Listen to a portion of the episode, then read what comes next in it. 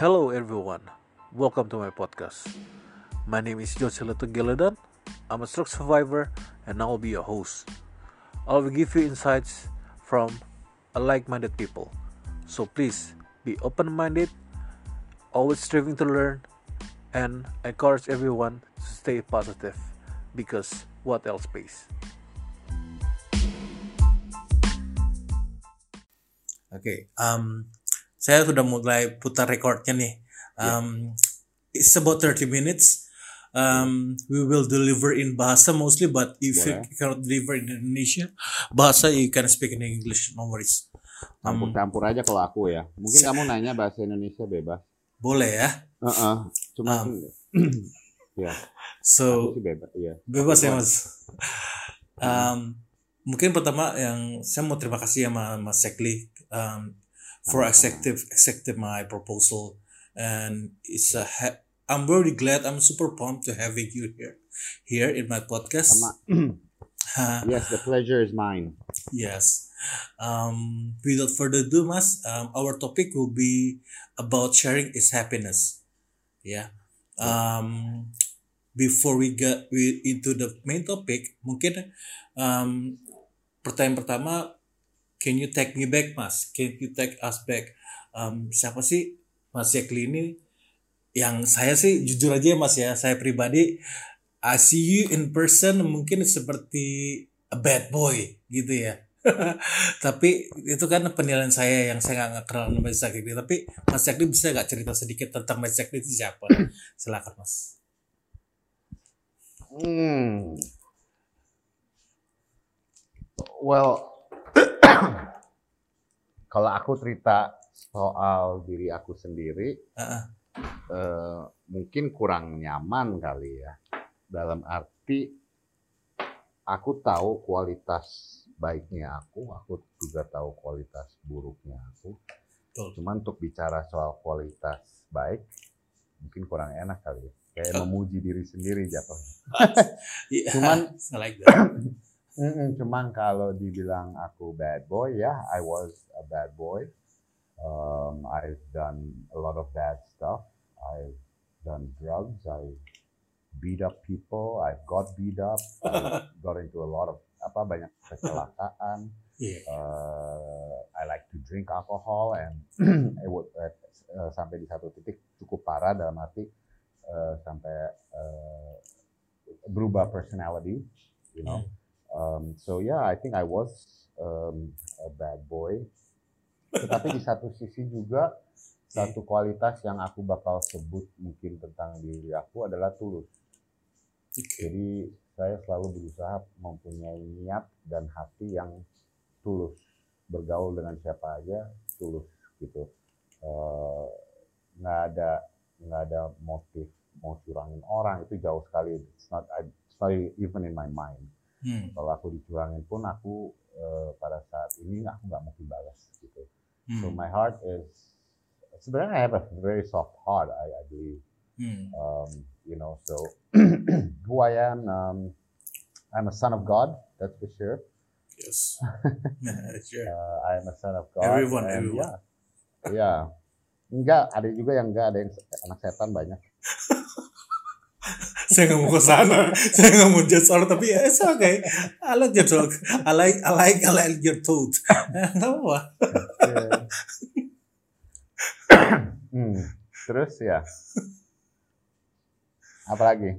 um, gini um, saya kan riset ya mengenai Mas Zekli ya kan Mm-mm. haven't uh, belum cukup tahu banyak lah tentang Mas Zekli jujur Ya.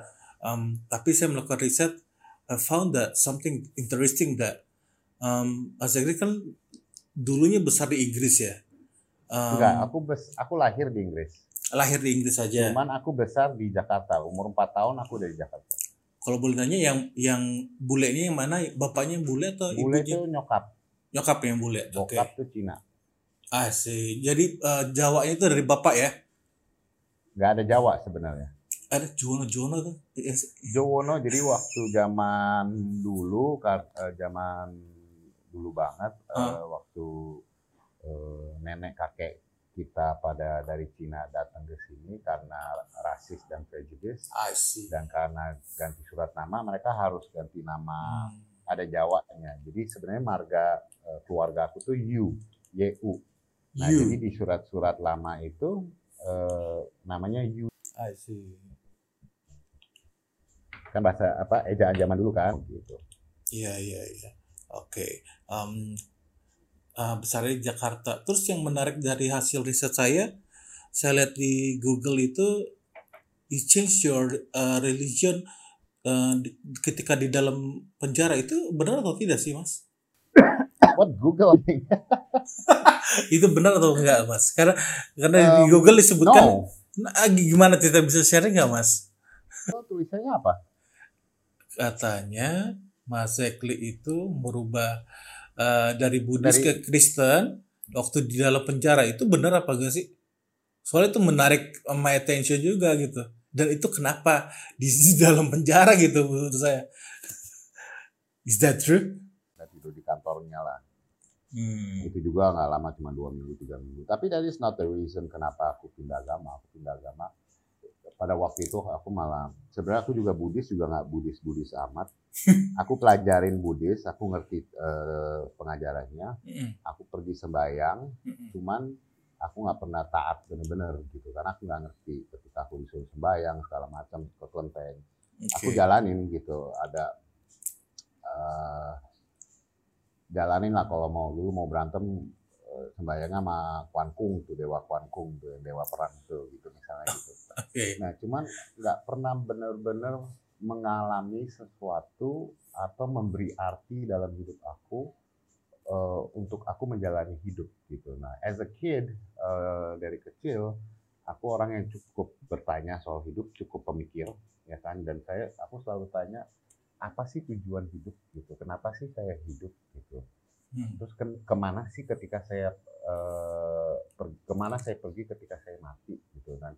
Pertanyaan-pertanyaan ini dari kecil suka menghantui sampai tidur tuh suka sedih, suka nangis karena aku berasa kosong banget ya hidup apa orang mati tiba-tiba ke angkasa gitu.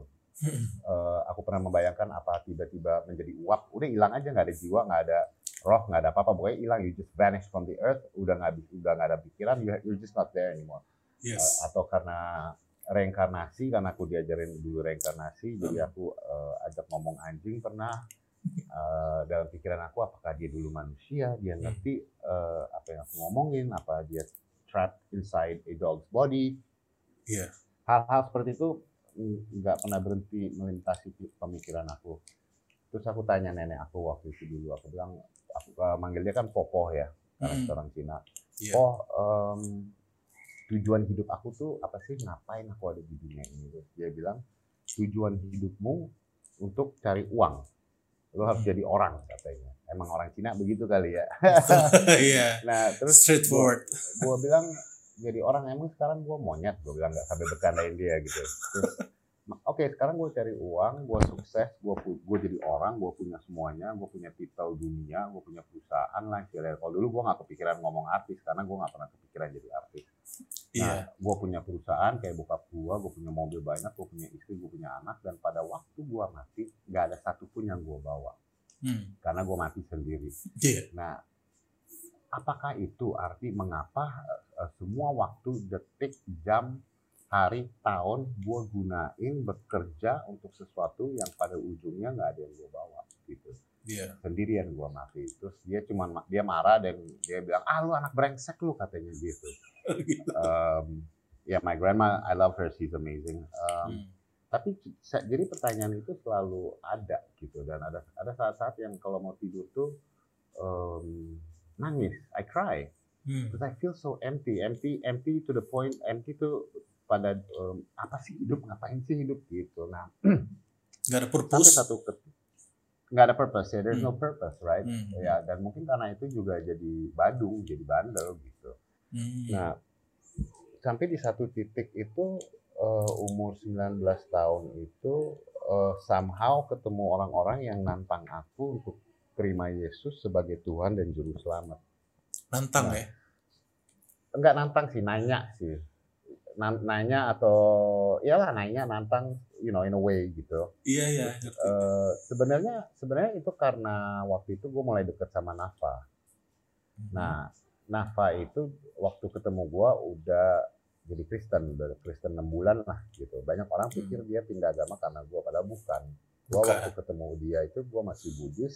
Di dompet gue masih ada fotonya Kuan Im masih ada jimat dikasih nenek gue untuk jagain gue katanya gitu. Nah cuman karena gue ngobrol sama Nafa gue tanya dia agama dia apa? Dia bilang dia Kristen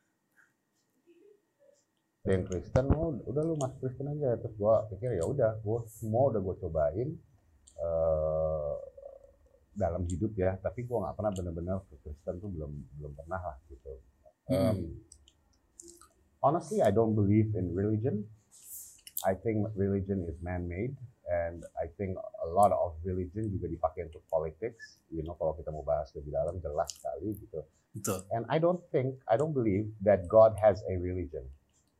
God is God, Hmm. you know. Hmm. Eh, gua rasa semua kita mau bah- bah- bah- bahasanya bahasa apa aja, Iya. eh, rasnya apa aja, semua kita bisa nyampe ke Tuhan karena Tuhan pencipta kita. Jadi gua nggak percaya Tuhan itu Tuhan yang punya alam semesta, punya dikotakkan dalam sebuah agama, ya kan. Nah, but then as I said, okay, let's go. Uh, yaudah, gue coba jadi Kristen deh. Nah, gue pergi ke gereja, uh, gue di, gua ditantang, uh, pendetanya nantang orang untuk maju yang mau terima Yesus sebagai Tuhan dan Juru Selamat, maju ke depan. Iya. Nah, teman gue bilang, lu kan mau terima Yesus, lu maju. Ya udah, gue maju. Nah, dari puluhan yang maju anak-anak muda, Heeh. pendetanya pertama kali datengin gue, dan dia bilang, dia lihat gue di mata, terus dia bilang, saya mengenal kamu. Gue nggak kenal dia, gue gue juga belum terkenal waktu itu. Cuman dia kenal saya, gue nggak tahu dari mana, ya kan? Hmm. Mungkin udah ada yang bisikin, mungkin ya. Hmm. Dia bilang, aku mengenal kamu dan kamu, dia ngomong bahasa Indonesia, tapi eh, di- dia orang bule tapi ngomong bahasa Indonesia Hmm. kamu telah membuat keputusan yang tepat. Yang kamu harus lakukan adalah percaya dengan hati, ucapkan dengan mulut. Gue gak bakal percaya, walaupun- eh, nggak bakal lupa karena walaupun ini umur 19 tahun, gue sekarang 36, tapi gue gak bakal percaya, eh, gue, gue gak bakal lupa kata-kata dia. Dan gue bilang percaya apa pak? Dan dia bilang percaya bahwa Yesus itu Tuhan. Hmm. Oh ya udah gampang ya buat gue ya. Gue nggak mikir apa-apa, yang namanya cuma percaya doang kan Tuhan udah bikin begitu sederhana. Percaya pak, ya percaya mah gampang ya wis. Jadi gue lihat ke atas dengan mata terbuka, gue tunjuk ke atas, gue bilang Yesus mulai hari ini lo jadi Tuhan atas hidup saya. Oke. Udah, gue jadi Kristen, nggak ada sesuatu yang terjadi. Gue keluar dari gereja itu gue beli Alkitab. Nah, mulai di rumah, setiap kali gue di rumah, ada sesuatu yang mendorong gue untuk masuk ke kamar berdoa. Hmm. Gue nggak tahu caranya berdoa. Jadi doa pertama gue adalah eh, Tuhan Yesus, my name is Zach, umur saya 19 tahun. That's my first prayer. You know, seakan-akan dia nggak tahu, but you know, mungkin ada ada kepolosan dan kemurnian di situ. Iya. Singkat cerita, pokoknya intinya setiap kali gue di rumah eh, ada sesuatu yang mendorong gue ke kamar untuk belajar doa, belajar doa, baca Alkitab. Dan gue juga nggak ngerti doa apa, gue juga ngasal dan itu juga cuma lima menit atau mungkin 10 menit. Nah, tetapi setelah gue jalanin itu sekitar 3-4 minggu, Hmm. tiba-tiba satu saat gue lagi doa menghadap tembok, pintu di belakang, tiba-tiba atmosfer kamar gue berubah. Tiba-tiba ada satu terang yang sangat terang, tetapi nggak silo, tetapi terang itu penuh dengan damai dan cinta yang gue nggak pernah ngerasain itu. Itu pekat banget rasanya gitu. Hmm. Itu gue tidak ada rasa takut sama sekali takut hilang. Ini benar-benar kayak benar-benar satu cinta dan damai yang tiba-tiba menyelimuti badan gue masuk ke roh gue dan Hmm. gue mulai nangis gue mulai nangis gue mulai nangis tiba-tiba di belakang gue ada pintu eh, walaupun gue merem gue bisa ngeliat kayak ada eh, Hmm. bukan makhluk ya tapi being yang terang dia kayak kayak makhluk terang lah terang Hmm. dia duduk di sebelah gue terus dia masuk ke gue dan gue Hmm. cuman nangis nangis nangis dan gue percaya itu Roh Kudus ya yang kalau orang Kristen percaya Roh Kudus nah itu pengalaman pertama gue sama Tuhan Hmm. eh, di saat itu gue tahu gue orang berdosa. Dulu gue nggak tahu gue berdosa. Dulu Oke. kalau kalau gue mau main cewek ya kan bapak gue yang kasih gue duit dia kasih gue kondom dia bilang asal lu jangan bikin anak orang hamil katanya gitu. Oke siap. Gue mau eh, berantem dia yang ngajarin ya kan segala macem dan em, gue ngedrug sama nyokap gue yang di Inggris ya kan gue jadi em, jadi dosa itu nggak ada gue mau jahat sama orang pun nggak merasa bersalah gebukin orang pun gue nggak ada rasa bersalah tetapi hari itu eh, tiba-tiba gue kayak berasa dosa tetapi di saat yang sama gue diselimuti dengan kasih dan damai yang begitu pekat. Gue cuma bisa nangis dan gue cuma bisa ngerasain bahwa I know I am a sinner but he's saying that he forgive me and it's okay and it's done you know um, and ya so itu pengalaman pertama gue sama Tuhan. Dan masih banyak pengalaman-pengalaman yang lain yang cukup extravagant yang eh, mungkin banyak orang nggak percaya tapi buat saya saya bersyukur bahwa saya diberi kesempatan untuk bisa mengalami sesuatu yang supranatural dan yang memang selama gue hidup gue cari karena gue bilang kalau Tuhan tuh hidup selama gue bertanya-tanya sebagai anak muda kalau Tuhan tuh hidup Hmm. menciptakan alam semesta begitu besar begitu indah manusia nggak nyampe Hmm. Eh, menciptakan lautan yang begitu dalam yang sampai hari ini manusia nggak nyampe menciptakan siklus pohon aja Hmm. eh, menciptakan eh, kecoa yang kakinya mungkin ada uratnya atau nafas hidup aja itu udah ajaib banget. Masa gue nggak bisa denger dia? Masa gue nggak bisa ngerasain? Masa gue nggak bisa mengalami dia gitu? Terus selalu gue bertanya itu gitu Nah, dan gue mengalami dia gitu. Wow, uh, that that was um, compelling stories. That's masih banyak sure. kalau mau dengar Mau mau, mau banget, tapi gini mak, um, Hmm. Saya saya anggap tadi yang waktu ketika doa di kamar itu dan dihadirkan ada seperti sosok yang dianggap Roh Kudus itu Mm. it shows your turning point actually. Um, Eh, dibilang bilang- turning, nah dibilang turning point enggak, tapi pengalaman itu membuat gua eh, merasakan Tuhan dan Tuhan tuh mulai jadi nyata. Iman gua mulai besar yang tadi gua doa-doa tuh gue pikir apa gua gila ini ada yang dengerin gua enggak gue juga nggak nggak langsung langsung percaya aja kan doa kan Iya, kayak iya, iya. gue kayak kosong aja ngomong sama siapa nih ngomong sama tembok ngomong sama angin tapi dengan pengalaman itu itu membuat gua tambah percaya nah Hmm. setelah dari pengalaman itu ketika gue hubungan seks, ketika gue minum atau ketika gue apa, hmm, em, itu gue rasa bersalah. Tadinya enggak. Nah di situ gue Hmm. mulai rasa oh ini kayak nggak kayak Tuhan tuh nggak seneng gitu. Nah dari uh, sana gue mulai berusaha berubah dan sebagainya dan akhirnya mungkin sekitar setahun sampai dua tahun tuh gue mau Hmm. eh, berubah total. hmm, Terus ada satu waktu gue lagi doa di kamar gue, gue didatangi sama Yesus Kristus, hmm, sama Isa Al-Masih. hmm, hmm, eh gue lagi berdoa, angkat eh, berdiri, angkat tangan. Tiba-tiba pintu kamar gue kebuka. Pas gue cek, eh pas gue buka mata, pintu kamar gue ketutup gitu. hmm. Padahal nggak mungkin, soalnya kayak berasa lah orang kamar kecil, terus ada angin gitu kayak ada yang masuk gitu. Pas gue cek, udah gue kunci ternyata. Gue balik lagi posisi gue angkat tangan doa, tiba-tiba pintunya kebuka lagi. Gue lagi merem nih. Tiba-tiba gue bilang, oke ini aneh. Gue tetap merem. Ini aneh. Gue tahu ini ada orang masuk. Gua, tapi gue nggak takut. Tiba-tiba gue ngeliat penglihatan. Jadi Hmm. merem tuh kayak nonton film. Nah, Hmm. filmnya itu adalah gua ada di kamar gua, gua ngeliat eh, eh, ruangan kamar gua dan Hmm. di pintu itu terbuka sama yang terjadi sinar terang itu yang penuh dengan damai dan kasih eh, yang sangat luar biasa. Tiba-tiba berdiri di situ satu orang dan gua tahu itu Yesus.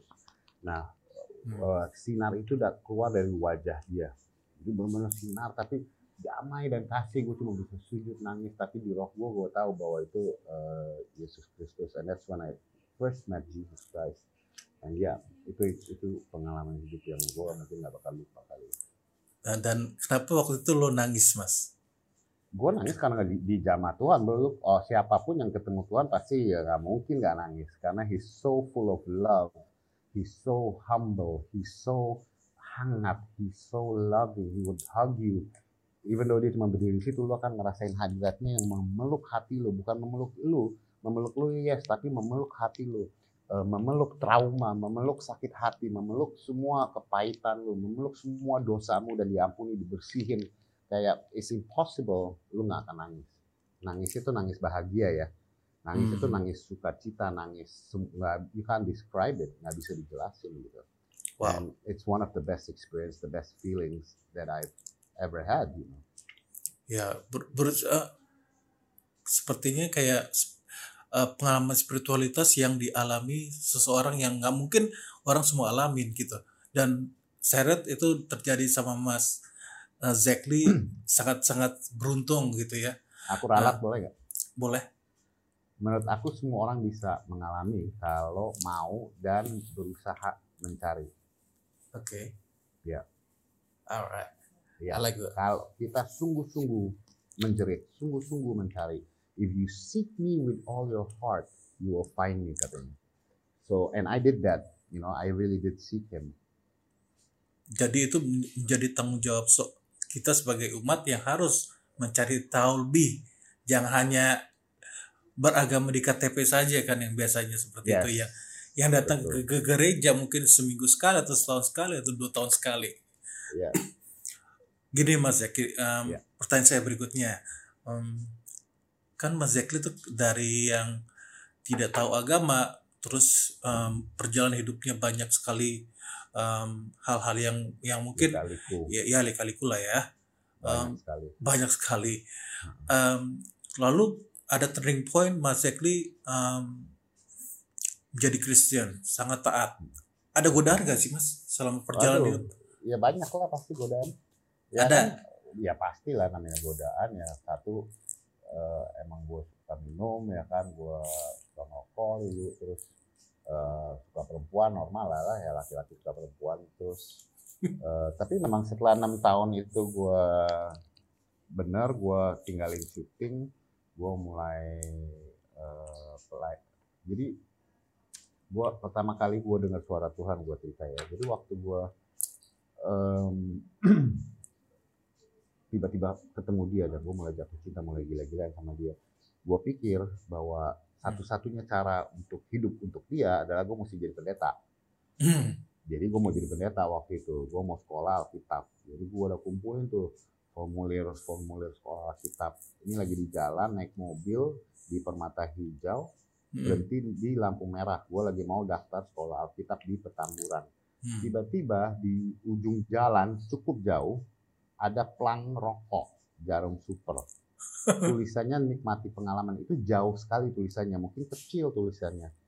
Tiba-tiba tiba-tiba tulisan itu eh, lompat ke depan kayak film The Mask kayak Hmm. 4D gitu tulisannya ke depan mata gua bener-bener pas tulisannya nikmati pengalaman. Nah itu kayak dia ngomong ke gua nikmati pengalamanmu bersama dengan aku bangun hubungan intim itu modalmu jangan sekolah kitab. Bahasa Indonesia dia ngomong. Hmm. nikmati pengalamanmu bersama denganku bangun hubungan intim itu modalmu jangan sekolah kitab. Nah itu gua denger suara itu di kuping masuk ke rock gua dan gua kayak ngucapin apa yang dia ngucapin ke gua. Gua gua say I said it again gitu. Dan di satu sisi ada satu kebahagiaan yang gua tahu ini dari Tuhan jadi akhirnya gua nggak gua nggak sekolah kitab segala macem Hmm. tapi eh, gue lumayan berhenti syuting eh, karena mungkin juga pada waktu itu Nafa mengakui dia pindah is- dari Islam ke Kristen jadi dia juga dicekal nggak dikasih syuting segala macam Hmm. Eh, masyarakat juga warga atau orang pada menjatuhkan Hmm. Em, tapi akhirnya aku juga mulai sosial dan mulai keliling Indonesia untuk sosial dan sebagainya gitu dan eh, setelah enam tahun ada satu kejadian Eh, sorry bro gue lagi di rumah Nafa nih lagi pesen bakso Oke. buat pada makan Em, Iya iya. That's good. Eh, saya riset juga bahwa walaupun sudah bisa saya nggak mau nyentuh masa personal ya kayak gitu. Tapi santai Um, benar-benar. eh, ya tapi eh, tetap akur gitu which is very good for your kita, kita daughter. akur banget. Yes of course. She, she, she's our priority. Yes. And you know, kita udah hidup bertahun-tahun, you know, gua sama Nafa dari umur 19 gua kenal, Nafa 22 Hmm. sampai nikah sampai punya anak gitu. Iya, masa kita mau terus-terusan di dalam keegoisan kita dan kesakit hatian kita dan luka kita dan sampai you know, technically we're like best friends kan udah gitu so Tadi Gitu. Mas Eki cerita mulai kegiatan sosial lagi ke seluruh eh, Santero Nusantara. Lumayan ya keliling. Gue dari Aceh pernah ke, ke Papua ke Sumatera ke Sulawesi gitu. Itu ke gereja-gereja bercerita kesaksian khotbah dan mungkin see. eh, social work segala macam nah eh, tapi ya sempat enam tahun setelah gue melayani gue mulai bisnis. Gue lagi import daging waktu itu. Oke. dan gue sangat-sangat tertekan eh, karena beberapa hal eh, dan setiap pagi tuh gue setiap ke kantor tuh gue kayak khawatir kayak tertekan kayak depresi iya. Manusiawi, Karena- manusiawi. Hah? Manusiawi. manusiawi ya karena satu gaji gue cuma 5 juta. Ini baru bangun perusahaan bro. Yo, ya kan? Terus wah kacau lah. Nah singkat cerita ada temen nawarin cimeng ganja. Gue nggak mau gue ngomong sama Tuhan Tuhan enak kali ya ganja ya gitu. Gue pengen ganja sih biar gue nggak pusing gitu. Tuh ngomong sama Tuhan tuh minta permission sama Tuhan tuh. Iya, sama Tuhan kita sama tem bro with Serious? your with your Wow. friend aja kan lu ngomong apa adanya. Iya, iya, iya, I like that. Tu- Tuhan is more than your friend dan itu yang namanya re- relationship with God. Itu yang namanya Iya. keimanan. Bonding Itu ya. Iya bonding. And you Iya. have to be honest anyway. Toh dia juga tahu perasaan isi hati lu. Lu belum mikir dia udah tahu gitu. Ya, tapi Ah, dengan lu ngomong dengan lu apa adanya itu yang membangun hubungan lu sama dia dan Tuhan segitu rendah hatinya Ah, dia sejak dia dia menurunkan diri dia sederajat kok sama kita hmm. kalau kita nyampe ke dia tuh susah karena dia besar dia sangat besar sangat agung sangat kudus tapi karena Tuhan begitu rendah hati Hmm. dia turun selevel kita sehingga kita bisa eh, eh, ngobrol sama dia apa adanya dan sebagainya gitu Dan kita nggak boleh nggak boleh sombong ya. Dan itu Siap. kita membuktikan kita nggak boleh sombong sebagai manusia. Tuhan aja mau rendah diri, mau humble. ya of course ya terus ya pokoknya intinya gue ngomong ngomong dua tiga kali nggak gue rasa di hati gue kayak nggak boleh gitu. Tapi intinya gue melakukannya em, dan itu plong banget pikirannya. Tapi masalah tetap ada dan sebagainya. Tapi itu membuat membuka satu celah dalam hidup gue untuk akhirnya gue jadi mulai minum lagi mulai ngedrugs lagi dan akhirnya gue mulai bergaul lagi sama teman-teman lama dan Hmm. akhirnya ya iblis tahu ya gitu bahwa eh, akhirnya gue disodorin kayak perempuan lah sama iblis gitu. Dan akhirnya gue ngaco lagi selingkuh gue dari bini gue dan ketahuan dan sebagainya. Dan gue udah kayak dikandangin kayak gue nggak bisa keluar gue nggak bisa lepas gue bisa lepas nggak bisa gue bisa bangkit nggak bisa gue doa gue apa. Cuman kayak gue semakin kacau semakin dalam dan dan itu bertahun-tahun. Dan ya itu pengalaman mungkin salah satu masa terburuk dan ter terberat buat hidup gue karena di satu sisi gue juga ninggalin eh, istri gue ninggalin anak in a way you know dan gue berasa sebagai laki-laki yang gagal ya kan nggak nggak ya kacau lah gitu jadi but you know God God's love never fails Hmm. God forgives God Hmm. is humble Hmm. He's big enough to help me come up. He's big enough to to kill the guilt in my, my heart. Besar i- is so much love. Dia bisa membunuh rasa bersalahnya dan dan sebagainya ya. So Dia know, selalu dia selalu open arm ya. Ya, hmm, ya gak sih? ya course. Walaupun kita jatuh berkali-kali dia selalu open arm ya kan. betul ya kita manusia kita masih nggak sempurna kan pasti ada kesalahan gitu.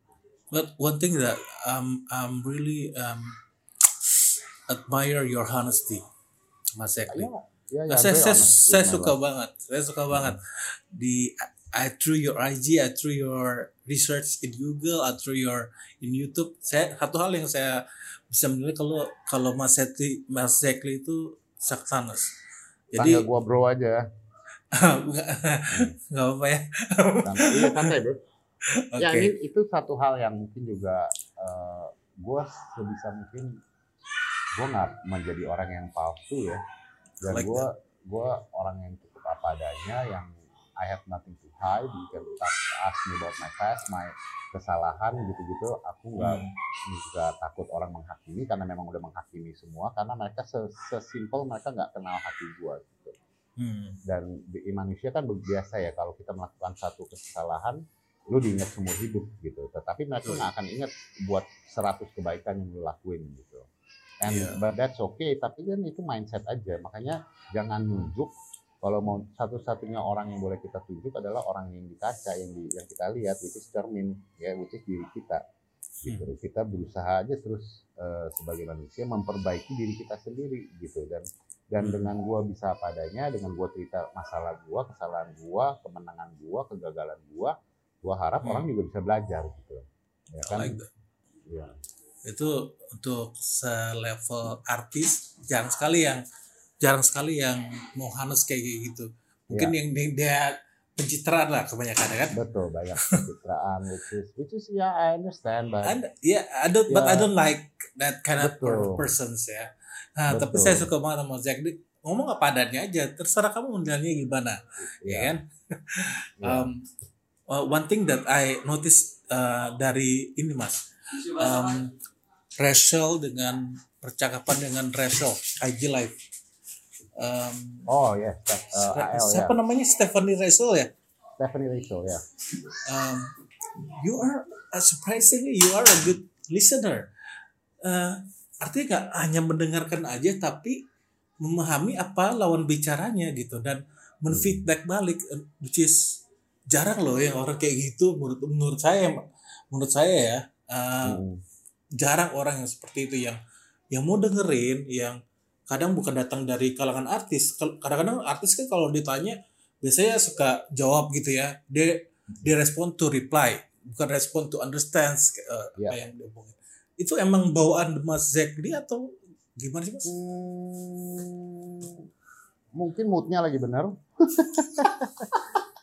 I mean aku memang diajarin untuk selalu eh, berusaha mendengarkan orang, ya kan, dan mendengarkan juga nggak sekedar keluar kanan masuk, eh masuk kanan keluar kiri juga ya, Iya. Eh, tetapi mendengarkan untuk mengerti, Hmm. Eh, bukan mendengarkan untuk menghakimi atau mendengarkan untuk mempunyai opini juga, ya kan, walaupun kita Hmm. selalu punya opini. Tapi mungkin kalau di IG Live yang kemarin sama AL sebenarnya kan AL aku tahu dia dari dia lumayan kecil lah.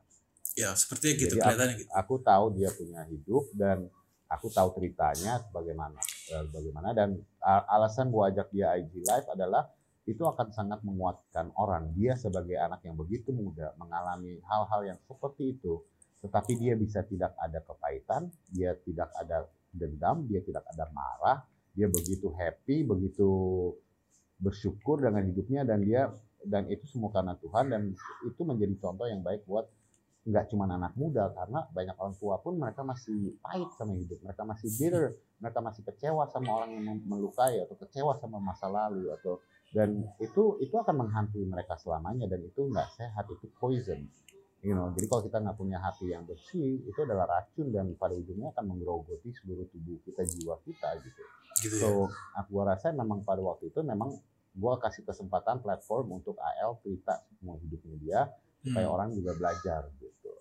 Oke. Bahwa bahwa dia anak muda loh Iya. dan apa yang dia ngelewatin nggak gampang. Orang lain pasti kecewa, orang yang nggak mengenal Tuhan sungguh-sungguh pasti kecewa, pasti marah sama Tuhan, pasti komplain, pasti ngeluh, pasti menggunakan itu sebagai alasan mengapa hidup gua begini-gini karena masalah Blaming. gua begitu. Iya, Masyarakat blaming, sering, betul. iya sukanya blaming, ya betul. Nah, pointing finger gitu kan ya. Betul. Dan itu kesian orang yang nggak mengerti. Itu kan karena knowledge, karena pengertian.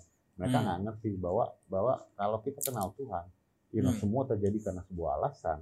Eh, kalau kita terus belajar bersyukur, kita ngambil bagusnya, kita terus, you know, Hmm. that's a good thing gitu. Apalagi zaman-zaman corona begini kan banyak sekali yang ngeluh gitu. Hmm. Nah, menyambung masalah corona kan kita lagi apa keadaan lagi sulit ya, Ya. eh, Mas Zekli. Tapi eh, menarik yang dari Mas Zekli itu kenapa saya mau wawancara sebenarnya, um, you still have a time in your busy time ya, you still have a time to provide meals, foods, and Hmm. sharing to the people yang orang-orang yang di grassroots. Um, saya lihat di IG-nya yang menarik banget itu yang dengan anaknya yang melibatkan anaknya, anaknya your daughter. Ya. Jadi um, secara langsung tuh langsung bisa ketemu, oh gini loh orang-orang susah nih kayak begini. Kita tuh Ya. harus harus lebih bersyukur. Itu yang saya tangkapi seperti itu, Mas. Ya. Um, can you tell me more? Kenapa bisa melakukan hal seperti itu, Mas? Well, number one, itu aku ngelakuin itu nggak cuma zaman corona udah dari zaman dulu aku pelayanan juga aku ngurusin anak jalanan dan sebagainya. Pemulung aku bawa ke rumah aku aku kasih makan segala macam aku masakin aku bawa nginep pernah gitu. Wow. uh, that's just that's just what God taught me you know. Alkitab bilang buka rumahmu untuk orang miskin. Hmm. Alkitab bilang kalau dia mau uh, you know he, he God fed the poor ya kan? Hmm. dia ajar kita untuk mengasihi ya kan? Dia ngajar kita untuk melayani. Em, kalau bawa anak eh, emang sengaja dari dulu juga dari dia umur tiga tahun aku suka ajak bagi-bagi pemulung aku suka ajak dia but you know I don't show it to people I don't need to. The reason I post it on Instagram juga eh, cuma untuk dapat donation because I do need the money karena gue nggak punya duit juga untuk terus-terusan gitu ya kan? Iya.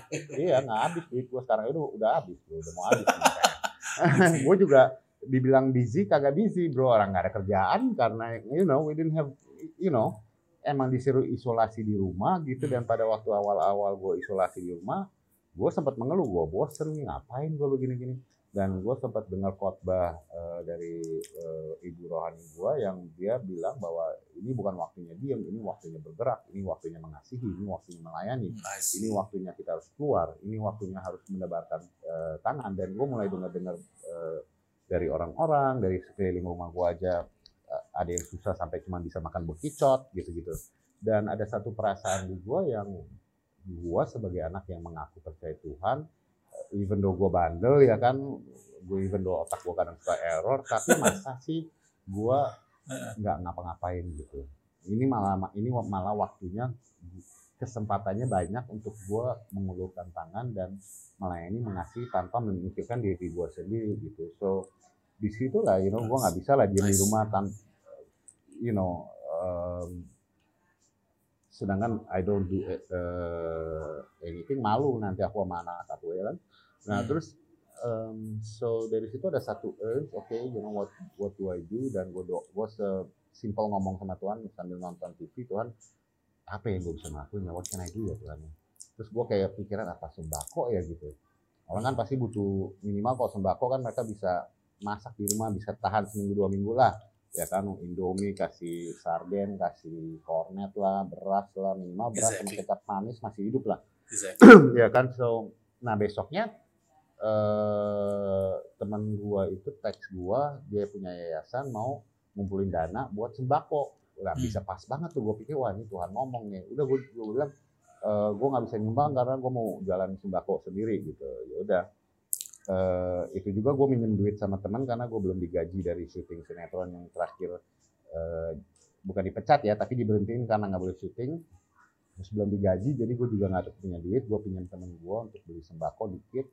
Nah dari sana mulai bergulir mulai gue post banyak yang nyumbang dan dan ada aja macam-macam gitu. Dan buat gue itu juga satu mukjizat Tuhan buat gue dan satu anugerah buat gue bahwa gue gue masih diberi kesempatan untuk melayani dia atau melayani yang miskin atau melayani yang susah gitu dan Nice. satu hal yang eh, ibu rohani gue pernah ajarin gue dulu anak gue bilang kalau lu pengen ngerasain hati Tuhan atau nangkap hati Tuhan turun ke orang miskin layani mereka karena Hmm. bagaimanapun Tuhan punya hati ada di orang yang susah di orang yang miskin dan orang yang hancur lah broken gitu dan dan Hmm. itu gue praktekin jadi di Hmm. dekat rumah gue tuh dulu di Permata Hijau ada eh, eh, satu bapak-bapak gendut gondrong Pak Suraiman namanya. Hmm. Sulaiman Surai- Suraiman setiap sore dia duduk tuh di lampu merah Permata Hijau ITC setiap sore dia duduk udah tua doang hampir 70 dan gue mulai turun gue gua ajak dia ke rumah makan dia nggak mau dia malu dia bilang ya udah Hmm. jadi gue bawain dia makanan gue duduk situ ngobrol sama dia.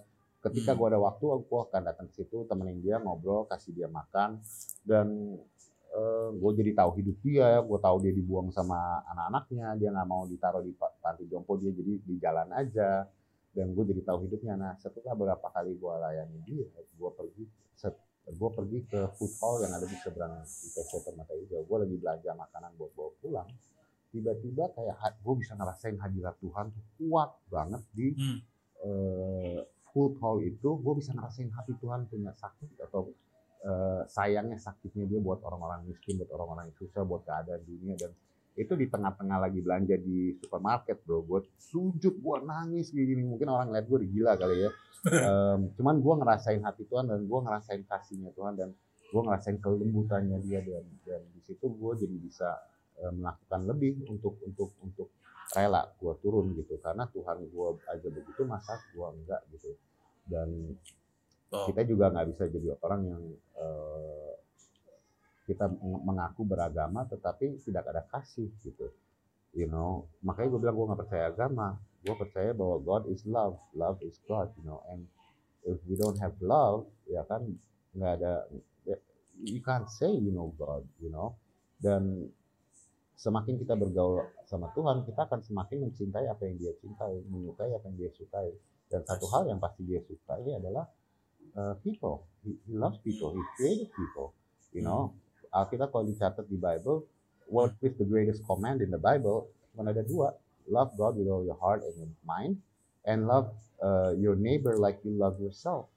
Itu kan berat ya, like you love yourself. Berarti kan we love ourselves. Kita pengen makan enak, kita pengen tidur nyaman, kita pengen punya baju baru dan sebagainya. Kita it's all about me, me, me, me, me. So itu praktekin dan ketika kita praktek itu jadi jadi fruit, jadi buah kasih di dalam diri kita.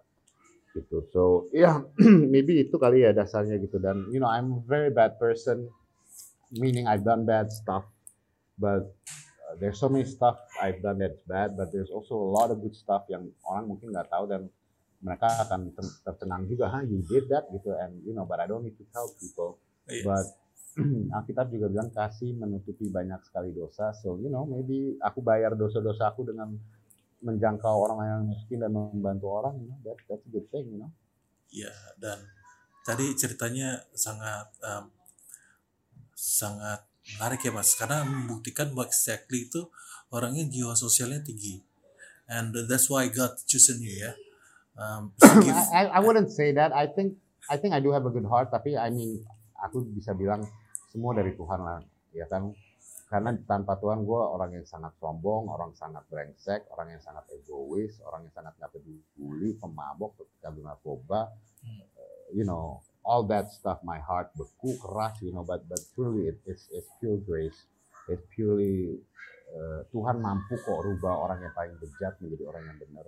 Um, you know, Tuhan mampu kok merubah orang-orang yang yang mau pembunuh sekalipun dia bisa rubah jadi orang yang istimewa di mata Tuhan gitu. Dan you know yeah so yeah, it's really it's really him lah. It's really it's really him.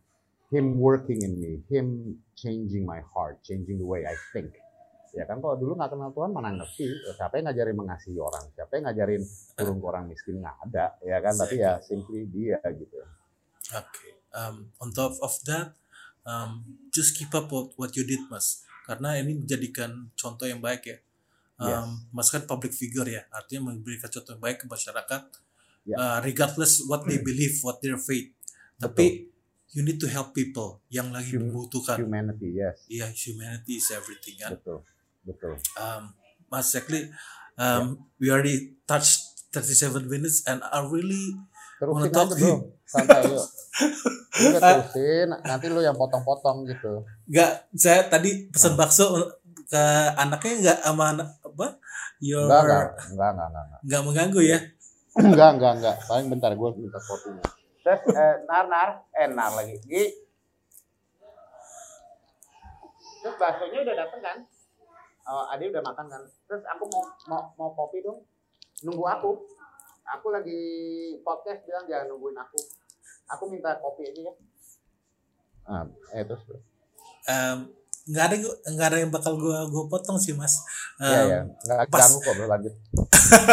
Saya I want to keep it as as simple as it is ya as yeah. organic as it is. Our yeah. conversations. Nah yang Betul. menarik mas yang satu hal lagi nih. Um, yeah. uh, Mas kan jadi punya Mika ya, your daughter, your only daughter, yes. ya kan? Yes, my only daughter. I have four kids ya. Um, wow. That's it. Yeah, I want five. you want five. You yeah. will get there. You will get there. Um, yeah. uh, cuman gini ya, um, saya tahu beban jadi seorang figur seorang ayah itu berat karena hmm. kita harus jadikan role model. Nah, hmm. gimana secara how do you protect your daughter, Mas? How do you protect your daughter and be a good role model buat buat your daughter bisa cerita nggak mas? Um, yeah, I'm, I mean I'm not doing the best job, that's for sure. Hmm. Eh, kayak untuk saat ini jadi gue masih ngerokok dan gue berusaha banget untuk lepas dari rokok setengah mati, you know. Hmm. Um, this time is harder. Waktu dulu lebih gampang. I don't know why. Dulu gampang banget. Sekarang susah banget. Dan Mika juga setiap hari lah gue di oke dia lah nggak boleh ngerokok, nggak boleh ngerokok. Dia di sih terus suka diungkepin lah rokok gue segala macam. So that that's a bad example, you know. Hmm. And that's where me as a father, I'm not perfect at all, and you know I'm trying, and it's it's just hard, but but I'm trying my best juga. Um, um, satu hal juga karena maybe kita separate divorce, cuman aku nggak mau dia rasakan kehilangan kedua orang tua atau kita ribut ya kan atau dia merasa satu lebih sayang satu atau apa Hmm. jadi jadi aku sama Nafi juga berusaha uh, otak kita pikiran kita adem terus dan kita selalu uh, saling menjaga perasaan diri kita sendiri tanpa ada Hmm. emosi apa segala macam untuk you know Hmm. kadang Nafa nginep di rumahku kadang aku kayak sekarang aku lagi nginep di sini gitu Hmm. dan kita selalu berusaha hadir untuk dia kita selalu berusaha eh, bawa dia juga ke Tuhan kita juga selalu berusaha eh, dulu awal-awal ya bilang bahwa kita walaupun we're not together but we're not separated you know Hmm. dan nggak perlu merasa nggak ke- akan kehilangan kita because we're still gonna be here dan dan itu terbukti gitu. Dan you know whenever she wants me or my or, or the mother we're always here segala macam gitu. So we- yeah we're we're far from perfect but we're trying uh, we definitely trying our best gitu untuk ngarahin dia gitu. Yang seperti aku bilang makanya aku ajak dia suka ajak dia turun ke, Jalan. ke jalan bagi-bagi supaya supaya dia tahu. Dari dia kecil umur tiga tahun aku ajakin dia naik mikrolet naik bajai naik eh bus belum ada bus ada busway ya busway udah naik. Yang bus yang jelek juga gua ajakin naik. Semua gua ajakin dia supaya dia tahu eh, turun. Dia ngerti caranya turun gitu. Karena untuk orang yang di bawah mau naik tuh gampang. Tapi untuk orang yang di atas untuk turun susah gitu ya kan.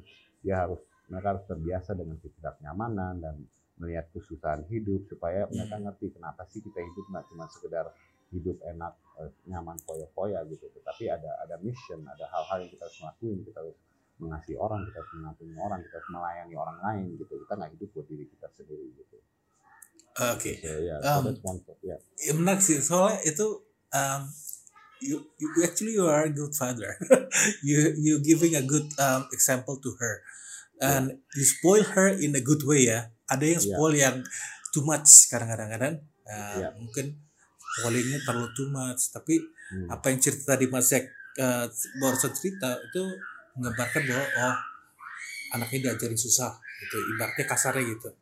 Nah. ya dia masih manja sih cuman ya ya I know I know sebisa mungkin ya ya, ya. ada you, you spoil her in Iya. a good way gitu ya betul ya berusaha lah ya Iya betul. Dan saya um, uh, takjub juga artinya um, Mas Zekli uh, seorang artis ya um, yang mungkin um, blasteran tapi masih sempat mengajarkan anaknya untuk down to earth gitu. Uh, which is gak banyak yang dilakukan artis zaman sekarang. Sa- Sorry to Oh, say ya, sorry to say. Tapi yang saya lihat seperti itu. Um, um, artinya ketika anaknya kalau nggak salah namanya Mika ya mas ya Mika ya hmm, Mika siapa Mikaela Lee Mikaela Lee oke ya yang kasih nama juga Tuhan oke that's good Iya. Uh, umurnya berapa sekarang ya sembilan 9 tahun Ya. Like nah, ya mungkin kurang lebih sama seperti anak pertama saya nah Ya. ceritanya Mas Zekli tadi seperti mengajarkan uh, ketika dia susah tuh gak kaget lagi gitu kan ketika dia Hmm. mengalami uh, hidupnya nggak up and down ya Mas nggak Ya. nggak melulu up melulu kan kadang kita jatuh ya kan? tapi Ya. dengan apa yang diajarkan Mas Zekli itu anaknya itu udah prepare dari dia sejak dini gitu ya Um, bisa ya nih ini loh ini ini ada yang good ada yang bad gitu Mm-mm. which is kita tuh tanggung jawab sebagai orang tua yang untuk memperlihatkan itu ke, ke mereka gitu kan Ya. which is saya senang sih mas Uh, artinya um, saya mungkin sa- awalnya salah menilai karena saya nilai mas nggak mau maaf ya mas ya ya mungkin- santai. banyak yang nilai macam-macam kok macam-macam karena kita nggak kita nggak pernah kenal kan betul nggak kenal Ah, ya kenal. it's okay I mean yeah.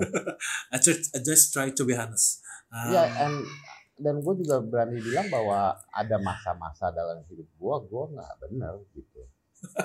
Contohnya kayak kayak waktu gue jatuh ke dalam dosa lagi dan Hmm. gue mulai selingkuh, mulai bandel itu, Hmm. itu kejadian waktu Nafa lagi hamil hmm, dan itu itu gue inget nih soalnya nah jadi eh, ada orang post yang dibantuin post itu terus ya komen-komennya gue dikasih tahu manajer gue pencitraan lah apa whatever but you know I don't really care gitu. I didn't post it and that's not my point you know, I don't really care tapi satu kali gue lagi nyetir nah ada ibu-ibu ketabrak naik motor Ya. nah gue refleks gue yang pertama adalah selalu turun cepet-cepet bantuin gitu gue selalu berusaha bantuin karena kalau nggak ada yang bantuin gue bantuin kalau udah rame ada yang bantuin angkat kelihatan I won't do anything because emang udah banyak yang bantuin depends how bad if I see like the person nggak bisa bangun gue pasti gue angkut gue masukin mobil gue bawa ke rumah sakit gitu. Nah hmm. at that time it wasn't that bad tapi dia jatuh segala macam but I still went down because nggak banyak nggak ada yang bantuin. Nah Mika itu maksa mau ikut turun. Daddy, daddy, I wanna help. Aku mau turun. Aku bilang Mika no, this is di tengah jalan. This is impossible. There's cars and bikes. Warawiri nggak bisa. You can't. It's too dangerous for you. Hmm. So gue turun. Nah gue bantuin ibu-ibu. Ternyata di mobil itu dia nangis. Dia Hmm. nangis, Hmm. bener-bener nangis bro. Terus Hmm. dia pas gue masuk, dia nangis. Daddy, why don't you let me help her? Itu kesempatan aku bisa bantu orang, dia bilang begitu. oh like, okay, wow, ya.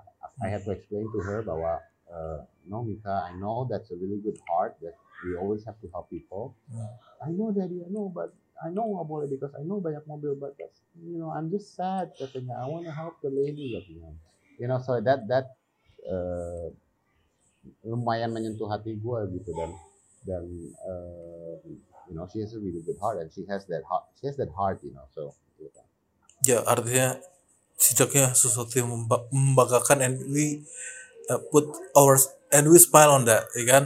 Uh, ternyata ada anak gue begitu ya gitu. Kayak um, tanpa disuruh pun punya niat yang baik gitu. Ya. Uh, which is very good pas um, mungkin dia ada memang uh, dapatnya dari Mas Sekli juga kan? Jadi contoh yang baik buat dari dia. dari dua-duanya lah ya dari mamanya Ya. juga tapi Ya. um, gini ya Ma- emang ya terus gini Ma- Mas Sekli um, kita tahu kan zaman sekarang kan kayaknya um, anak muda itu gampang pimplan ya labil ya, gak sih Ya. um, gue gue gue jujur jujur kalau gue pribadi memang gak orang yang benar gitu dulunya Hmm. Gue mulai masa-masa yang kurang, kurang lebih sama kayak kayak Mas Sekli nah Hmm. ada gak sih Mas um, kayak um, what what you like to say to say to them? Um, ketika mereka masa-masa teenage nih masa-masa krusial nih seperti ceritanya Mas Sek uh, ada gak uh, you wanna say something? Kayak advice gua- to them? mungkin gue gini-gini ya soalnya enaknya tuh dengarnya memang orang yang pernah ngelaluin. Ngerti gak sih mas? Ya. Dari daripada orang yang selama hidupnya benar-benar bulu nggak nggak nggak bakal Ya. pernah mengerti ya apa yang Betul. mereka lalui gitu betul yang pasti uh, gue tahu bahwa masa muda itu sangat menyenangkan ya Hmm. untuk main-main dan sebagainya tapi Mhm. satu hal juga jangan sampai kita menyia-nyiakan masa muda kita Hmm. ya kan gua punya temen yang mati karena drugs itu banyak yang mati karena berantem banyak ya kan Hmm. dan gue udah lihat begitu banyak kehidupan yang yang dibuang sia-sia so buat gua waktu itu waktu itu sangat berharga dan waktu juga udah udah nggak banyak ini udah zaman udah kacau begini ya kan eh gua rasa nggak lama lagi gitu dan dan mungkin pesan gue buat anak-anak muda adalah eh cari Tuhan Hmm. karena hanya Tuhan Hmm. yang bisa kasih lu Hmm. alasan mengapa lo hidup karena Tuhan adalah pencipta kalian gitu. Dan hanya Tuhan tahu mengapa kalian hidup dan tujuannya apa. Karena tanpa kita menemukan tujuan tanpa kita menemukan Tuhan kita akan hidup semaunya aja ya Hmm. kan? Dan bahkan even kalau lu hidupnya benar ya kan? Lu Hmm. sukses secara mana manusia tetapi itu nggak tepat di Tuhan. Semuanya sia-sia. Exactly. ada alasan mengapa kita diciptakan dan kalau kita nggak nemuin itu kita nggak punya drive untuk be better kita nggak punya drive untuk untuk melayani Tuhan kita nggak punya drive untuk uh, berbuat dampak kita nggak punya drive untuk untuk anything. Dan menurut gue itu sia-sia. Um, so ya. Yeah. tempat terkaya di dunia menurut lu di mana? Tempat terkaya di dunia. Ya. Tempat tempat ibadah? No. atau di rumah? No. I don't know what is menurut it. gua tempat Ah. terkaya di dunia adalah di kuburan oh that's interesting thoughts kenapa gitu Kenapa? Hah? karena begitu banyak orang di kuburan tidak pernah Ah. mengalami Tuhan, tidak pernah berjumpa sama Tuhan, Ah. tidak pernah tahu mereka punya talenta, mereka punya potensi, mereka punya bakat, mereka punya panggilan. Begitu Hmm. banyak buku yang harusnya ditulis, begitu banyak film yang mesti harus dibuat, begitu banyak bisnis yang harusnya bisa kebangun, begitu banyak eh, dampak yang mereka bisa lakukan. Tetapi karena mereka tidak pernah tahu kenapa mereka hidup, mereka tidak pernah punya tujuan dan mereka cuma sekedar hidup. Akhirnya semua sia-sia. They just live, live life. Mereka hidup, mereka sekolah, mereka kerja, mereka punya anak, mereka punya keluarga, mereka tua, mereka mati. That's it. Iya. There's no purpose. There's no nothing gitu. So nggak meaningful ya Yeah, so that's the richest place in the world. Nice. That's interesting loh mas. Saya nggak- saya nggak nggak terbayangkan sama saya loh, serius. Iya, iya sama gue juga gak terbayangkan. Itu sebenarnya quote quote quote seorang pengkhotbah gue juga pasti tanya. Gue mikirnya kan Hmm. Pak eh, Freeport atau the Arab Spring banyak minyak ya kan. Gitu. Ya, itu juga gue quote orang bro, bukan, Iya, iya, bukan pemikiran gue. Tapi ya minimal your curiosity lah. Artinya rasa Ya. ingin tahunya besar, ya kan? Ya. Nah, ya itu satu hal yang dari percakapan percakapan kita dari awal sampai sekarang satu hal yang saya saya tarik simpulkan bahwa Mas Sekli itu orangnya sangat penasaran. Ya. Ya itu yang bahkan Albert Einstein, Albert Einstein pun bilang kalau kita harus curious dulu gitu. Jadi rasa penasaran itu yang you take you from bad to good ya. Ya. Wow, that's Ya, questions Amazing. is good, you know. Always asking questions is good. amazing. Kalau kita kan malu bertanya, dulu kita orang Indonesia kan sekolah tuh malu bertanya. Gue tuh kok nggak paling nggak mau tanya, takut dipikir salah, takut malu apa segala macam. Padahal nah, Bego gitu ya atau anak zaman sekarang pada pinter-pinter nanya tuh bawel yang main anak gue nanya nanya dan why is this why is this why is that why is this why is this dan harusnya seperti itu gitu. Hmm.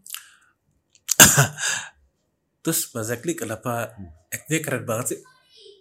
Eh, Sangat menjiwai banget. Saya saya nggak pernah nonton film-filmnya Mas Zakli ya. Tapi saya Ya. lihat tra- trailernya yang di IG. Showreel ya ya. Iya, Nonton iya. dong di Netflix dong. Pasti pasti. Ada Netflix nggak nonton The Night Conference apa? I mean Eh, iya iya iya. Ternyata Netflix ya. Iya Netflix. Film, I mean, honestly gue masih belajar banget. Gue masih, eh lu tanya gue acting apa, jujur gue nggak tahu. Gue bisa bilang mungkin acting is not acting. You know, eh Al Pacino pernah bilang bahwa I am not telling the truth even when I'm lying. Jadi acting itu meyakinkan, ya kan. Hmm. Um, but if you ask me, honestly, gue masih belajar banget. I don't know. Uh, kedua, mungkin karena gue juga dapat peran-peran yang yang uh, nggak nggak jauh dari apa yang gue pernah ngalamin, misalnya secara Hmm. rasa ya, gitu ya kan. Uh, dan mungkin emang bawaan kali ya. Banyak orang bilang mata gue hidup mata gue tajam. Ya gue nggak pernah menciptakan mata gue Tuhan yang menciptakan mata gue gitu ya kan. Tapi juga mungkin Hmm. karena punya masa lalu yang lumayan bercerita punya eh, I wouldn't say dark tapi lumayan dark ya kan punya masa lalu yang dark sehingga itu memberi depth di dalam jiwa gue ketika gue acting gitu. Eh, mungkin itu dan you know I'm still curious untuk untuk eh, peran-peran yang lain ya kan yang mungkin nggak terlalu eh, bad boy atau penjahat atau atau apa gitu so yeah I mean honestly gue acting juga masih belajar belajar banget kalau dibilang keren ya thank God you know itu anugerah Em, Chemistry Ya, sih Mas. Kayak iya. saya saya bisa merasakan chemistry-nya dengan peran yang Mas lakukan. Uh, which is Mystery? Chemistry. Jadi ada oh kayak chemistry ya ya ya itu yang banyak artis yang mungkin modal tampang doang ya atau modal bicaranya jago ya ya tapi chemistry nggak dapat. Saya itu nah gini Hmm. Mas, saya sempat terpikir kalau ada casting Joker deh Hmm. di Asia. Iya. Saya berani Iya. apa mengusul merekomendasikan Mas Ekli cocok banget. Yeah, kayak- that's that's that's one of my dream roles, I would say. Really? Yeah, I mean, aku tuh pengen jadi Joker. Because there's a, a loony inside of me, there's a dark side inside of me, and I want to tap into that. You know, the beauty about doing films and acting is kita bisa menjadi seseorang yang kita bukan, dan kita Hmm. diberi kesempatan untuk eh, misalnya Joker dia gila lah ya kan dia nggak peduli hidupnya dia mau bom bom bom bom mau bunuh orang terserah dia mau mati pun terserah ya kan nah we can't do that in real life right Oh, so iya. itu kita diberi, diberi kesempatan itu gitu nah waktu Heath Ledger jadi Joker gue udah pikir wah ini keren banget. Gue suka banget Heath Ledger jadi Joker. Iya. Um, dan gue pikir gue sih belum tentu bisa menyayangi tapi kalau dikasih kesempatan gue akan coba. Nah terus gue pikir juga nggak akan mungkin ada Joker yang lebih keren dari dia gitu. Iya. Eh, ternyata Joaquin Phoenix keluar dan menurut gue itu keren sekali. Iya, iya. buat gue nggak berani bilang siapa yang lebih keren. Gue tetap suka Heath Ledger banget tapi eh, dia punya ciri khas dia sendiri yang menurut gue nggak kalah keren yang menurut gue kompleks ceritanya juga you know can you imagine Yeah. kalau Heath, Heath Ledger dikasih satu film cerita tentang Joker dari awal sampai dia jadi gila kan pasti keren banget juga gitu so but but yeah so I mean dari Heath Ledger gue udah bingung, terus dari Joaquin Phoenix gue tambah bingung. Nah, I'm still thinking untuk untuk untuk bisa top that off gimana caranya gitu. But yeah, I don't. Hopefully, maybe we'll see. Kalau Tapi- Hollywood mau kasih boleh. Oh, saya sih setuju. Kalau lihat actingnya keren abis. Abis. Yeah. Thank you very much. Mas Ek, um, Ya. you know I'm stroke kan, jadi bukannya saya Ya. mau end up our conversation, tapi I need to Ya. rest. Um, jadi saya sudah 16 bulan nih Mas Ek, saya mengalami Ya. stroke. Um, Oke, Saya Kenapa? ha- hanya pecah pembuluh darahnya. oke, Hmm. oke. And I'm still lucky, I'm fortunate, still alive. Ya. Ya. Ya. Dan tep- sampai sekarang Ya, masih pakai tangan kiri. Oke, oke. Can I can I pray for you just Sure. shortly? Sure, sure. Oke. Why not? Oke. Oh, orang manggil kamu apa? Yose ya? Jose. Jose. Tuhan, aku minta hadiratmu saat ini Tuhan masuk ke rumahnya Jose Tuhan dia anakmu dan aku dia hambamu dan aku berdoa saat ini Tuhan Roh Kudus penuhi dia, penuhi hati dia, penuhi pikiran dia. Roh Kudus aku berdoa jamah dia Tuhan saat ini. Aku perintahkan segala sakit penyakit, segala stroke, segala apa pun, penyakit virus apa pun, eh, roh apa pun, aku cabut sampai ke akar-akarnya di dalam nama Yesus. Aku perintahkan sembuh total dalam nama Yesus Roh Kudus jamah jamah dari ujung kepala sampai ujung kaki aku minta doa sempurna sempurna. Eh, tangan kanan kaki kanan semua jalan semuanya normal kembali normal dalam nama Yesus. In the name of Jesus I speak healing over your life. I speak blessing over your life. I speak restoration over your life. I speak revival Holy Spirit. Jamah dia begitu rupa. Eh, biarkan dia mengalami engkau seluruh keluarganya, istrinya, anak-anaknya semuanya Tuhan ada kasih, ada damai, ada sukacita, tidak ada ketakutan, no fear, tidak ada kutuk turunan, kami cabut semuanya dalam nama Yesus. And I just release your love and your presence in Jesus name Tuhan, jamin mereka, jamin mereka. Amen. Amen. That's a beautiful So- prayer, Mas. Um, um, thank you for that. Ya, I really appreciate. aku I will pray for you more in my prayers and I pray and I want to know when you are completely healed, you tell me because God will completely heal you. Uh, okay, Mas. And I wish I can meet you in person. uh, Boleh, ayo. someday, one day. Boleh, boleh. Um, just Tinggal di mana emang? uh, dekat Bintaro, Mas. Oh, gue di Bintaro ini sekarang. Oh gitu. Oke. Rumah apa di Bintaro sektor 9? Oke. Di saya di Iya. apa jalan apa? Di Raja Wali. Oke. asik. Oke. Iya. Ya ya. Maybe we can meet someday. Maybe. Iya Uh, boleh ngopi-ngopi boleh. Saya udah nggak boleh ngopi, Mas. Paling ngeteh. Oh nggak boleh ya, iya teh boleh oke. Um, I wish you nothing but success, Mas. Thank you very much. Uh, thank you for everything. Yes, That you thank accept juga. I, you accept my offer, you, my email, you. and you responded Yeah. right away. Just Yeah. say hi, hello to your daughter, Yes, your beautiful daughter, and her Yeah. mother. Yeah, Yes. Yes. and I wish bisa ngomong lagi dengan Mazek di Boleh, Masa akan just datang. let me know. Just let me know ngomong WhatsApp aja bro kalau ada apa-apa cerita you have- you you want something to pray about or you need help or you just want to talk just let me know. Oke, I will send you my progress. Ya, my recovery siap. progress. Yes, yes. Thank you, I, Mazek. I would like thank you. Good night.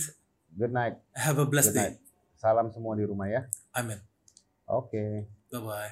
Bye bye.